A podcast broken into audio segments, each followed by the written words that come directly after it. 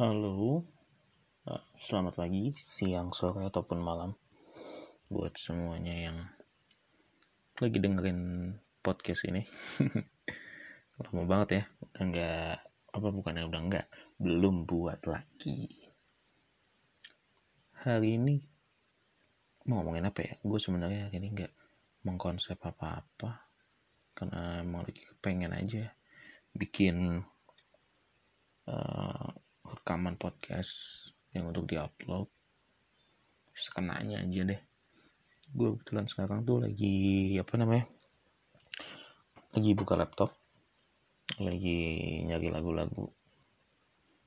Gue tuh kemarin lagi kepo banget sama lagunya Word Genius. Mungkin gue telat ya karena pas gue cek di YouTube ternyata lagu Word Genius yang Lati itu yang per hari ini tuh yang gue view itu ternyata sudah 15 juta kali ditonton dalam satu bulan.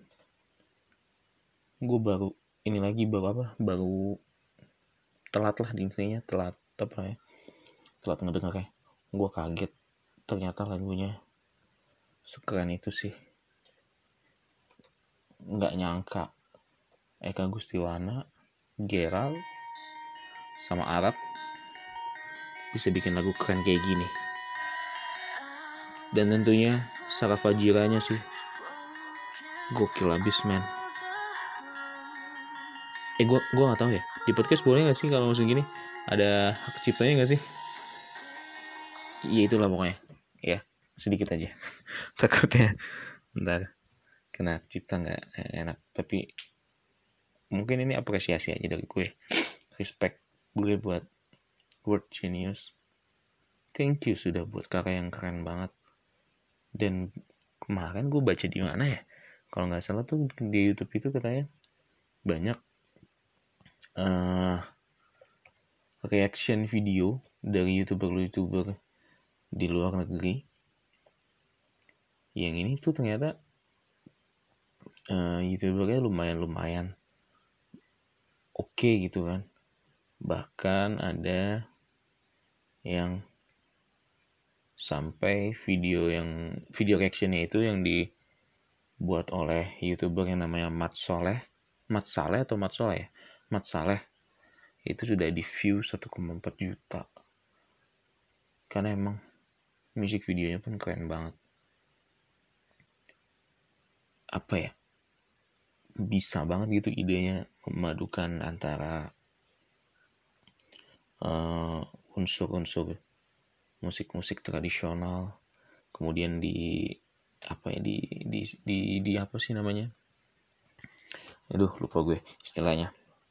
Diselaraskan dengan visualnya dengan konsep video klipnya yang gokil sih.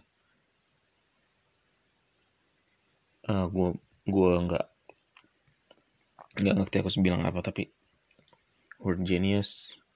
Kalian bener-bener genius. Asli gokil.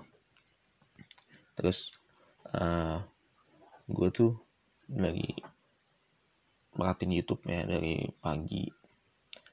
Sini ada apa? Ada updatean video YouTube dari Didi Kobuja yang di sini sih dia podcast juga sih dia sama youtuber juga ya kalau salah. Namanya Indira Kalista yang dia klarifikasi dan minta maaf. Kalau nggak salah tuh kemarin dia sempat bikin YouTube juga sama Grite Agatha. Di situ bahas masalah corona cuma dia kayak ngasih statement yang uh, dinilai menyepelekan. Kalau gue pribadi di tengah situasi kayak gini memang masa pandemi seperti ini uh, kita nggak bisa nyalain siapa-siapa ya. Pemerintah gue yakin sudah melakukan yang terbaik yang bisa dilakukan.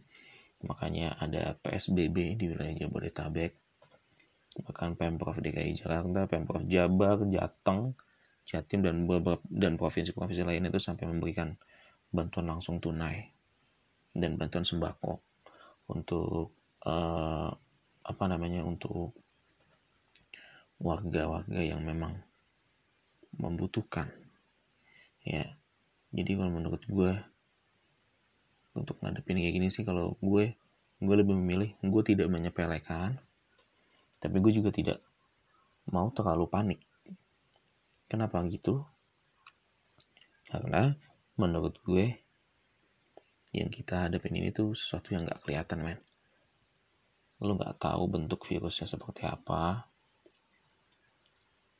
Uh, dan mungkin virus ini tuh kalau ke kita nih yang ke anak-anak muda atau mungkin yang usia-usia produktif mungkin 20 sampai 30 itu masih segar-segar kan fisik kita. Mungkin virus itu kita nggak memberikan dampak apa-apa nggak berasa gitu kan. Tapi bisa jadi kalau misalnya kita berinteraksi dengan orang lain terutama orang yang rentan tuh yang orang rentan itu kan kalau nggak salah orang yang punya kayak penyakit penyakit penyakit lainnya kayak diabetes terus penyakit penyakit apa gitu gue lupa itu biasanya malah menjadikan uh, yang menderita penyakit tersebut lebih rentan untuk terkena corona. Makanya kalau gue lebih memilih uh, berusaha ngikutin protokol kesehatannya. Kalau bertemu dengan orang yang mungkin punya penyakit-penyakit seperti itu, gue usahakan tetap menjaga jarak karena bisa jadi kita lah yang carrier yang kita yang membawa virus itu. Jadi sekali lagi gue menekankan buat teman-teman semuanya yang dengar ini lo takut terhadap corona boleh. Tapi juga jangan terlalu takut dan panik ya. Khawatir malah nanti ngakuin psikologis lo juga takut lo malah semakin drop. Tapi lo juga nggak boleh kita ini nyepelein nggak boleh banget. Ini tetap anjuran-anjuran jaga kesehatan setiap kali habis dari luar sampai rumah cuci tangan. Mungkin kalau di luar uh, selama beraktivitas lu bawa hand sanitizer setiap habis menyentuh benda-benda yang mungkin disentuh orang banyak lu langsung bisa bersihin tangan lu pakai hand sanitizer. Itu penting. Uh, bukan apa ya bukan bukan jadi kita tuh di luar tuh jangan cuma mikirin diri kita juga tapi mikir orang lain. Karena kalau orang lain sehat mungkin bisa jadi kita yang menyebarkan virus ya kan. Jadi sama-sama jaga aja. Jaga-jaga kebersihan. Supaya kita putus nih mata rantai. Uh, penyebaran COVID ya kan? Buat teman-teman juga yang mungkin masih tetap berikhtiar berjuang di jalanan mencari nafkah tetap hati-hati tetap jaga kesehatan. Selepas beraktivitas pulang nyampe rumah mandi yang bersih pakai sabun cuci muka ya lengkap lah pokoknya karena katanya sih gue baca-baca berita dan beberapa kali dengar YouTube dan podcast yang membahas tentang corona. Jadi katanya corona itu bentuk virusnya dia seperti apa ya? Ada lapisannya gitu. Lapisan luarnya itu terbuat dari lemak dan akan sangat mudah hancur apabila terkena deterjen. Deterjen dalam ini itu uh, ini apa namanya guys? Sabun. Ya sabun, sabun. Jadi idealnya memang jaga kebersihan dengan cuci tangan. Itu ya stay safe di mana pun kalian berada. Ikuti aturan pemerintah. Kalau nggak ada perlu banget nggak usah keluar. Ya kan tapi kalau emang harus banget keluar kayak ke supermarket atau mungkin ini kan lagi Ramadan udah masuk 10 hari terakhir juga yang mau bayar zakat silahkan laksanakan. Atau mungkin teman-teman yang punya kegiatan baik mau berbagi makanan untuk buka puasa ataupun mau bagi sembako buat saudara-saudara kita di luar sana tetap hati-hati tetap stay safe keluar rumah pakai masker. Uh, pakai pakaian kalau bisa tertutup ya lengan panjang celana panjang jangan apa jangan lengan pendek lah mengantisipasi aja. Biar tetap aman biar tetap safety lah. Ya kan? Karena yang kita hadapin lagi-lagi gue harus bilang kita nggak tahu bentuknya kayak apa kan. Bukan orang bukan makhluk gitu. Dan ini virus. Yang hanya gara virus ini bikin kehidupan di dunia bukan bukan Indonesia lagi di dunia jadi berubah. Banyak orang bilang ini yang dinamakan new normal. Ya gue terus terang sedih sih. Sedihnya apa? Karena uh, kebetulan gue muslim gue lumayan sering membiasakan diri untuk kalau sholat lima waktu tuh kita ke masjid atau musola. Tapi dengan adanya virus corona ini dan dengan adanya aturan PSBB dan adanya juga fatwa MUI yang menganjurkan untuk beribadah dari rumah, jadi nggak bisa ke masjid. Oh ya, terus satu lagi buat teman-teman, mungkin uh, kalau mungkin lu nggak tahu ya, mungkin yang muslim relate sih dengan cerita gue. Jadi gini, kita nih orang muslim kan biasanya kalau misalkan sholat nih ke masjid sholat jumat deh kan sering kali nih kita masukin kotak amal kan nah kotak amal itu kan biasanya untuk biaya operasional masjid nih guys nah itu biasanya digunakan kayak untuk bayar listrik untuk bayar orang yang bersihin orang yang uh, melakukan perawatan di masjid jadi uh, itu biasanya diambil dari infak-infak yang jemaah-jemaah berikan kan. Nah ini kan dengan adanya PSBB otomatis mungkin mm, yang berkunjung ke masjid itu sudah sangat berkurang.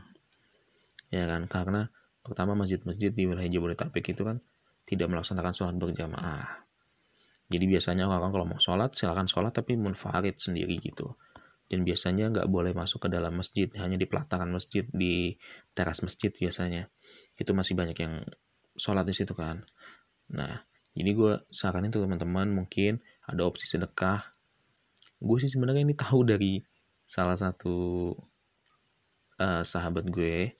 Beliau ini guru di salah satu SD negeri di Bekasi Barat. Ya Pak Lukman dia mengajak teman-teman untuk bersedekah token listrik. Unik sih token listrik ini. Tapi gue harus akuin itu bener sih. Jadi uh, mungkin kan di, di sekarang-sekarang ini masjid-masjid itu kan dia sudah pakai meteran listriknya pakai token kan. Nah lagi-lagi yang tadi kayak gue bilang biasanya biaya untuk pembelian token listrik itu diambil dari infak sodakoh teman-teman semua jemaah-jemaah yang biasa beribadah di masjid. Dan karena corona ini kan otomatis yang datang ke masjid sedikit dan mungkin bukan mungkin sih pasti mempengaruhi jumlah infak sodako yang didapat. Jadi mungkin kekurangan biaya. Nah jadi mungkin teman-teman yang punya kelebihan rezeki coba deh lihat masjid atau musola di sekitar rumah. Uh, ada nggak mungkin musola atau masjid yang kiranya butuh bantuan?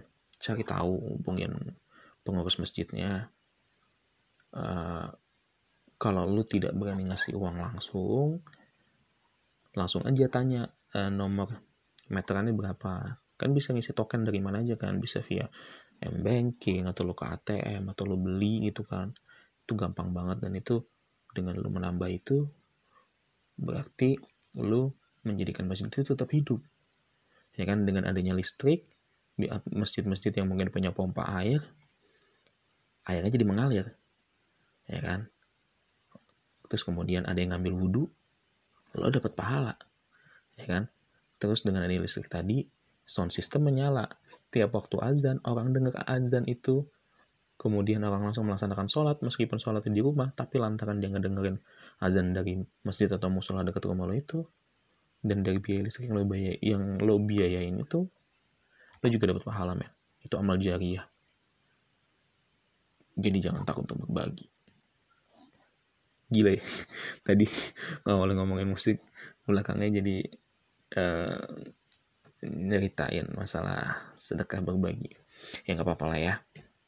Semoga bermanfaat buat siapa pun yang dengar. Makasih udah dengerin ocehan gue. Kita kita bikin lagi nanti ya. Enjoy the podcast guys. Thank you. Assalamualaikum